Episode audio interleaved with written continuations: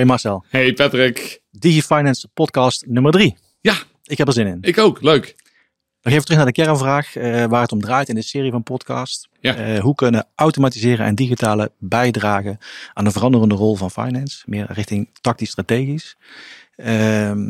Dat gaan we ook deze podcast weer ervaren. Waar gaan we het vandaag over hebben? Ja, we gaan het uh, hebben over hoe je met behulp van data en analytics uh, ja, uh, de stap maakt van administreren naar regisseren. Mm -hmm. zo kun je dus meer proactief omgaan met je financiële huishouding.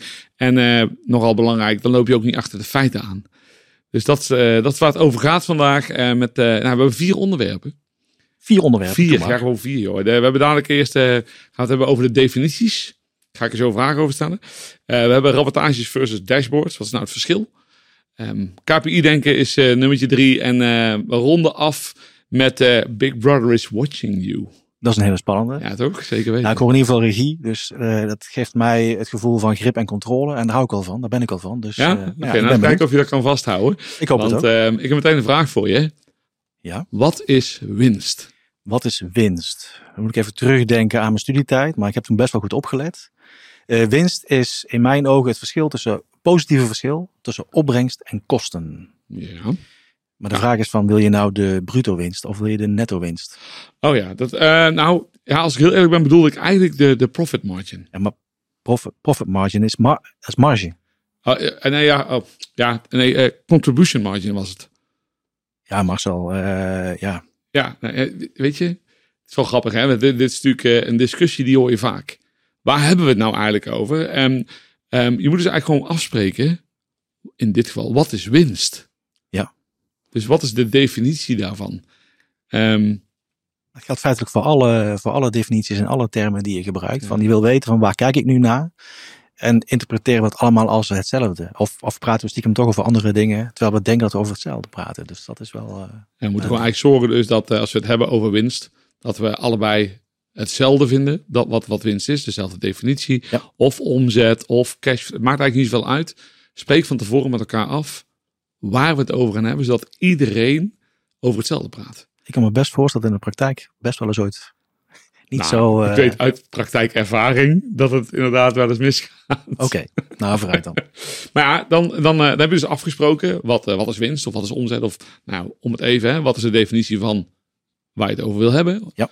Um, en dan, dan wil je dat dus terugbrengen in een, in, een, in een rapport of een dashboard. Maar dan denk ik altijd, oké, okay, maar is daar een verschil tussen? Er is een verschil tussen. Ik heb het ook even voor je opgezocht, als, als ik eerlijk ben. Ja. Als je kijkt naar een rapport, uh, is eigenlijk een bestand wat vaak één of meerdere pagina's uh, behelst, waar informatie in staat, veelal ook gevisualiseerd, uh, waarin je kunt zien hoe een bepaald segment in jouw organisatie presteert. Hè, dat kan een finance rapport zijn, kan bijvoorbeeld ook een sales rapport zijn, kan een HR rapport zijn. Het is in ieder geval altijd een rapport specifiek voor een doelgroep. Ja. Uh, een dashboard zit eigenlijk een niveautje hoger. Uh, een dashboard kun je eigenlijk zien als een verzameling van, uh, van rapportages. Waarbij je eigenlijk in één view of één overzicht, veelal ook gevisualiseerd, kan zien hoe jouw organisatie erbij staat. Of de, KPI's en de, en de cijfers die je kan zien. Um, omdat een dashboard eigenlijk een view is, zijn niet altijd er interacties tussen de visualisatie die je ziet in een, in een dashboard. Ja. Uh, hoeft niet altijd zo te zijn, maar dat is vaak wel een, een karakter van, van, van een dashboard. Nou, wat ik het mooiste vind eigenlijk aan, uh, voor mezelf dan, zo'n dashboard, een soort, soort dat, dat is eigenlijk een, een, een, een overview, een soort cockpit eigenlijk, van wat er in je organisatie gebeurt. Je hebt in één oogopslag, zie je wat er aan de hand is. Ik zit, uh, ik zit vanmorgen in de auto ook naar mijn cockpit te kijken. En dan Ja. denk ik van ja, dat is eigenlijk ook een cockpit. Hè? Ik zie hoe hard ik rijd. Ik zie hoe, hoe mijn toerental van mijn auto. Ik zie mijn benzinemeter. Ik zie mijn, uh, mijn olietemperatuur. Dus ik zie in één oogopslag zie ik uh, hoe mijn auto erbij bij zit. En als een lampje begint te branden of het begint iets te piepen.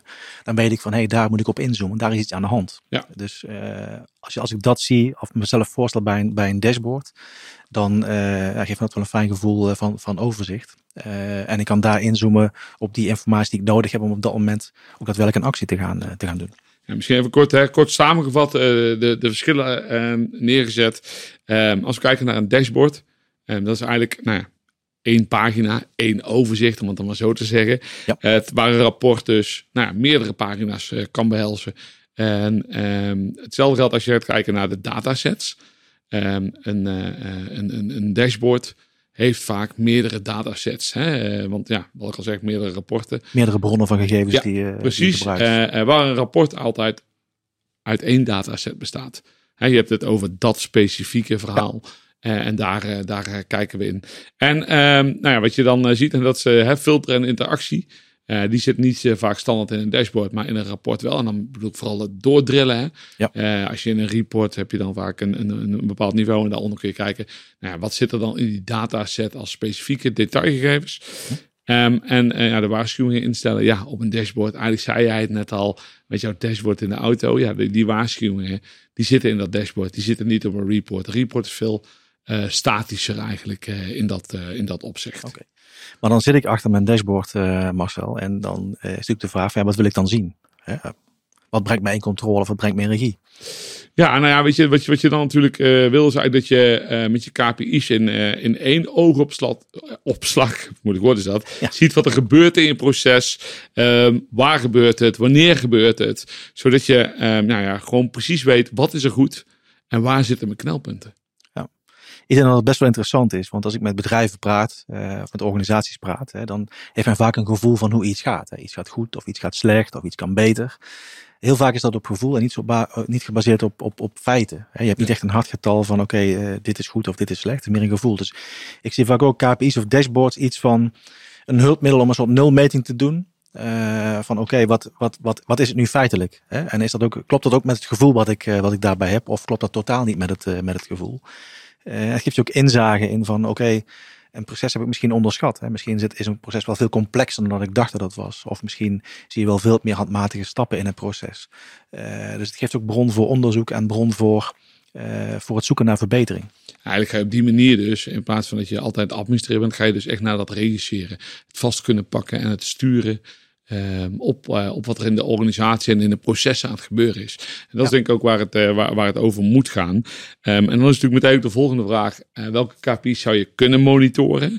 Want heel veel ehm, analytics, tools van gerenommeerde spelers, om dat er zo maar te zeggen, Ja. hebben al vaak allerlei standaard dashboards en KPI's opgenomen in, in hun dataset, in hun nou ja, analytics tooling. En ik denk dat het goed is dat we daar een paar voorbeelden van, van, van gaan doornemen, zodat je een beetje een idee krijgt van waar kun je nou naar kijken. Ehm, ik vind zelf altijd wel eentje, eh, een mooie is het, eh, ehm, het percentage e-facturen. Je naar E-invoices. het punch-to-pay proces. eh, Ja, als je daar gaat kijken, hè, je krijgt natuurlijk facturen binnen. En die facturen die, die kunnen van oudsher nog steeds op papier binnenkomen. Gelukkig niet meer zoveel. Wat natuurlijk heel veel zien is via PDF dat ze binnenkomen. Ja. Eh, en waar we naartoe moeten met z'n allen is naar e-invoicing, e-facturen. Ehm, en uiteindelijk wil je dus gaan monitoren hoeveel van die e-facturen je krijgt. Niet alleen omdat je ze graag wil hebben, maar ook omdat ze je helpen in de verwerking in het vervolgproces, wat je daarna moet gaan doen. Eh, een e-factuur is natuurlijk gewoon data. En die data, ehm, ja, die kun je gaan gebruiken ehm, eh, zonder dat je daar allerlei menselijke tussenkomst hoeft te doen. Ja. En je kunt daar ook met je leveranciers afspraken over gaan maken als je weet wie er wel of niet e-factureert. Dus dat is wel een belangrijke ding. je kan er misschien ook trends zien. Dat je ziet van oké, hoeveel hè, is mijn percentage eh, e-facturen gegroeid? Hè? Of Ja. dat je daarin kan zien wel- welke ontwikkelingen zie ik nou in mijn ontvangen, ontvangen facturen. Ja, dan kun je ook daar weer dus mee gaan spelen en op gaan sturen. Dat dat, dat, dat verbetert. Kijk, wat ik zelf wel interessant vind is eh, de first time matching. Hè? Eh, je wil het liefst eh, zo hoog mogelijke automatiseringsgraad van je binnenkomende factuur. Dus matching is daarin een heel belangrijke factor. Ja. Dus hoe mooi zou het zijn dat je in een dashboard kunt zien, of in een report kunt zien van oké, welk percentage van mijn binnenkomende facturen wordt nou eigenlijk volledig gematcht met bijvoorbeeld een order of met een betaalplan. Zodat ik daar helemaal geen omkijken meer heb in het, in het proces bij de afhandeling van die facturen. Dat is natuurlijk ontzettend interessant. Eh, om te zien wat dat percentage nu is. En hoe ik dat, eh, waar ik informatie vandaan kan halen door onderzoek te doen, hoe ik dat kan verbeteren. Ehm, nou, dan ehm, eh, eentje die, die vooral voor de leverancier ook wel heel erg prettig is. Het KPI, de KPI Paid on Time. Ja. Nou, je voelt al aankomen. Heb je op tijd betaald? Oftewel, ehm, heb je binnen de, de, de afgesproken betaaltermijn voldaan aan je betalingsverplichting? En nou, wat ik al zei, dat is voor die leverancier natuurlijk fijn. Ehm, eh, en daarmee heb je eigenlijk ook meteen een indicator van hoe tevreden je leverancier is over de samenwerking. En dat, dat, dat klinkt misschien raar, maar ja, weet je, uiteindelijk die leverancier levert iets. En die wil ook graag dat die op tijd betaald wordt. Ehm, en dat zorgt ervoor dat je relatie goed blijft en zelfs kan verbeteren. Ehm, en als je nou niet op tijd betaalt, dan zou je dus ook kunnen gaan kijken van, maar waar ligt dat nou aan? Is er iets in het proces? Ehm, hebben we vaak problemen bijvoorbeeld nou ja, met die order matching, hè, wat jij net zegt. Eh, en kun je dat dan verbeteren? En hoe ga je daarmee om? en zo kun je mogelijk dus ook betaalkortingen pakken. Omdat je eerder of sneller betaalt en beter betaalt, um, ja, kun je vaak daar uh, ook betere afspraken over maken als het gaat om uh, een beetje korting bij de leverancier. Ja, ik denk heel belangrijk ook om die interactie met je leveranciers uh, te hebben, zeg maar, daar, daarin. Überhaupt, Samen te zoeken ja. naar, naar, naar verbetering. Ja. We hebben bijvoorbeeld cash forecast genoemd. Hè. Cash is natuurlijk ontzettend belangrijk. We hebben vorige keer een interview met Hans gehad. Cash is king, hè? Zeg cash is king. Dus ik denk dat Hans het best interessant is om te zien van oké, okay, wat, wat komt er nu aan geld binnen en wanneer? Uh, welke verplichtingen hebben we nog openstaan? Uh, wat, wat, is, wat is de impact daarvan op mijn, op mijn cashflow? Maar ook van, ja, wat heb ik nog uitstaan aan facturen en wat kan ik daarvan uh, van, van, van verwachten?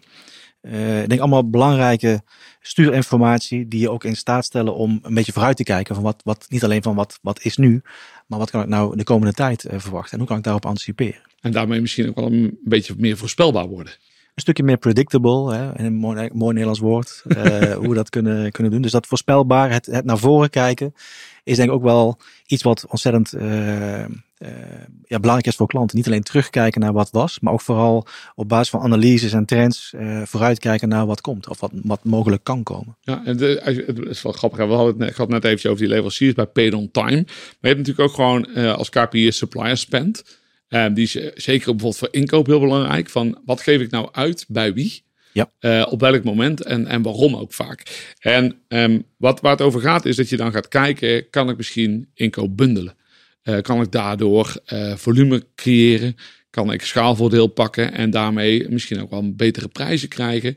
Of soms is het niet alleen be, betere prijzen fijn, maar kan het ook zijn dat je misschien wel snellere levertijden krijgt, omdat je een grotere klant bent bij je leverancier. Ja. Dus ook supplier spend gaat erover dat je meer grip krijgt eigenlijk op wat je aan het doen bent, wat je inkoopt en uh, ja, hoe en waar je dat doet om, om voordeel te pakken.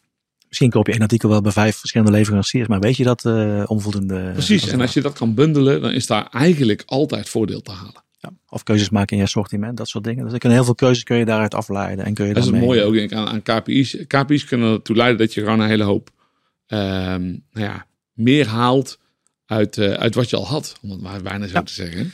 Uh, ik denk, als je kijkt, uh, het geeft in ieder geval input voor ja, wat ik altijd noem continuous improvement. Hè? Dus je hebt continu input die je kunt onderzoeken, kunt bekijken om te zoeken naar, naar, naar verbetering. Hè? Dus dat kun je zien in trends en KPI's, maar ook van waar wil je opsturen en waar wil je concreet naar, naartoe werken. En dat met name dashboarding en, en het makkelijk kunnen filteren van uitzonderingen. Van hé, hey, ik zie daar in dit dashboard een raar iets ontstaan, een rare trend. Dan kun je daar meteen op inzoomen, meteen op door, uh, doordrillen. Ja. En daar meteen ook maatregelen op, uh, op, uh, op nemen. Er is natuurlijk altijd gevaar van, je zegt toch zo mooi, maatregelen nemen. Hè? is het, het gevaar van Big Brother is watching you. Um, weet je, we, we, hebben allerlei inzichten, we zien wat iedereen doet. En dat kan ook dat gevoel van Big Brother is watching you natuurlijk um, ja, versterken. Uh, terwijl ik denk in heel veel gevallen um, dat dat eigenlijk, nou ja, misschien wel onterecht is zelfs. want het gaat niet om het controleren, maar juist signaleren van zaken die gebeuren, die je juist kunnen helpen om dingen beter te doen, anders te doen. Je tijd misschien ook wel anders te besteden aan nou, wat belangrijk is. Dus ook focus creëren ja. op de zaken die er wel moeten gebeuren. Ik denk wel dat uh, die transparantie in het proces en, en zien uh, wie wat wanneer iets doet, of misschien juist iets niet doet, ja. dat dat best voor een gemiddelde medewerker lastig kan, uh, kan zijn. Dat je dan toch het idee hebt van ja, men ziet nu wel hoe ik, hoe ik werk. het is, het is eigenlijk wordt gewoon gemeten. Ja. Dus ik kan er ook op aangesproken worden. Ja, eigenlijk is transparantie is dus eigenlijk input voor um, niet alleen meer grip, maar misschien ook wel meer begrip van wat er gebeurt. Ja. Denk dat je het ook zo moet zien, ook als medewerker zijnde, hè, van als je bijvoorbeeld kijkt naar, uh, naar overzichten van, dan zie je bijvoorbeeld dat, dat, dat Marcel uh, in, in uh, een bepaalde tijd, ja, als dan, als dan, als dan, dan ja. bijvoorbeeld, dat jij veel minder facturen per, per dag of per week verwerkt dan dat ik dat doe. Ja. makkelijke aanname zou dan kunnen zijn, nou, Marcel doet zijn werk niet goed en Patrick doet zijn werk heel erg goed. Maar als je vaak, denkt, vaak is dat natuurlijk ook zo. Vaak is, ja, zeker is dat zo, dus dat, dat is eigenlijk wel een terechte aanname in dit geval. Maar goed, als je dan toch het voordeel van de twijfel geeft aan die betreffende collega, dan kom je er misschien wel achter door, uh, door die analytics tooling, dat uh, Marcel met juist veel complexere facturen te maken heeft, die daardoor ook een veel langere verwerkingstijd uh, nodig, nodig hebben of vragen van jou. en zit ik met de simpele factuurtjes die ik met één druk op de knop kan goedkeuren en het proces in kan, in kan krijgen. Dus ik denk dat inderdaad wat je zegt, doe geen aannames, maar gebruik die transparantie om dingen te constateren en, en te kijken ehm, hoe dingen nu echt lopen. En het, wat je mooi zegt, hè, begrip uh, en daarmee ook het krijgen van grip. Ja, veel mooi, jij zegt aannames. Hè? En uh, uiteindelijk uh, ja, is het nooit goed om aannames te doen. En ik vond wel mooi, een, een tijd geleden bij, bij een organisatie sprak een financieel directeur. En die zei, ja Marcel, wij betalen altijd op tijd. Echt gewoon strak binnen 30 dagen. Dat is een gevoel. Zeg, dat is een gevoel. Dat, dat was... Ja, dat is, nou ja, dat, dat is wat inderdaad zijn gevoel was. Want Um, ik zeg, maar, maar hoe weet je dat dan? Ja, nee, maar dat is gewoon wat we hier hebben afgesproken. En uh, dus zo doen we dat. Dat is dat, ja. Ja, dus uh, um, ik vind het altijd mooi is dat mensen dat zo overtuigend kunnen zeggen. Um, en dan uh, heb je het nou ja, voordeel of een beetje nadeel van analytics. Is dat we natuurlijk kunnen zien hoe het echt gaat. Ja. dus we waren in gesprek over analytics, hoe we, dat, hoe we dat meer zouden kunnen laten werken voor die organisatie. En toen hebben we al hun data ingeladen in analytics, analytics tooling. Uh, en hebben dat, uh, dat, dat, dat, dat dashboardje gedraaid. Uh, wat ging over inderdaad. Hoe lang duurt het voordat je gaat betalen? Die man die is wel redelijk hard geschrokken. Hè? Want gemiddeld zaten ze op 59 dagen. Oké. Dat is niet binnen 30 dagen. Nee. Kijk, en dan is de vraag van ja, weet je, wat, wat, wat ga je dan mee doen? En gevoel en wat er daadwerkelijk gebeurt. Ja, dat kun je dus door analytics en KPI's. Kun je dat gaan uitsluiten. En kun je daar daadwerkelijk iets mee doen. Um, in positieve zin, want dat is denk ik ook wat we moeten benadrukken. Daar, het is bedoeld heel positief. Kijk, het geeft ook aan dat, het, dat je soms significant mis kunt zitten met gevoel ten opzichte van werkelijkheid. Het is ook mooi hoe dat ontstaat, dat iemand echt zegt van, nou, dit is zo. Ja. Want we hebben afgesproken of dat vind ik, of dat voel ik zo. En dat dat dan toch niet blijkt te zijn. Dus ik denk dat het heel krachtig is om, zo, het is dit als een momentopname. Hè, van als die pijlstok erin gaat, hè, dan, dan krijg je een nulmeting van je organisatie. En van daaruit, hè, nou, sommige dingen ben je misschien positief verrast, sommige dingen ben je minder positief uh, verrast. Maar geeft iemand direct aanleiding om, uh, om bij te sturen of om, om te zoeken naar verbetering. En dat is weer dat bruggetje naar dat continuous improvement. Ik denk dat, dat een, een organisatie vandaag de dag altijd scherp aan de wind moet varen. En altijd scherp moet kunnen zijn op, op daar waar verbeteringen ligt. Want als jij het niet doet, doet je conculega uit of dus ik denk dat het heel belangrijk is om, om, om, om de waarde van die dashboards in te zien. En ook daadwerkelijk te gebruiken waarvoor ze, waarvoor ze bedoeld zijn. Denk dat, uh, nou, als tip, hè, pak gewoon elke maand die dashboards er eens bij. En, en kijk gewoon hoe je ervoor staat. Uh, dan, dan ontdek je wat er gebeurt. Heb je vroegtijdig zicht op, op de kansen die je creëert, de uitdagingen die er zijn. Voorkom je waarschijnlijk ook allerlei knelpunten. En heb je dus meer grip op je proces. En dan ben jij dus de regisseur. Nou, dat is dus inderdaad de regie. Uh, en ben ik niet meer bezig zijn met administreren, maar echt met een stukje regievoering. Ja. Dat is in ieder geval wat mij in ieder geval aanspreekt uh, daarin. Nou, je noemde straks het voorbeeld, Marcel, van uh, een KPI van ja, percentage e-facturen. die vond ik op zich wel interessant. als dat percentage soms aan, aan klanten of aan organisaties vraagt, dan is dat best wel eens lastig. want wat als je nog helemaal niks doet met e-facturatie, of nog helemaal geen e-facturen ontvangt, ja, wat dan? Dan heb je niks aan zijn overzicht natuurlijk. Nee, ja, en dat is dan ook waarom het in de volgende aflevering gaan juist gaan hebben over e-invoicing. Uh, want um, weet je, het lijkt vaak heel moeilijk, maar we gaan je meenemen in hoe het werkt en waarom het eigenlijk heel makkelijk voor je kan zijn. Dus het lijkt heel moeilijk. Het is heel makkelijk. Het is heel makkelijk. En daar gaan we het de volgende keer over hebben. Ja, zin in. Nou, ik kijk er nu al naar uit. Ik ook. Dank voor deze podcast, Marcel. Ja, dankjewel Patrick. Tot de volgende. Tot de volgende. Rico.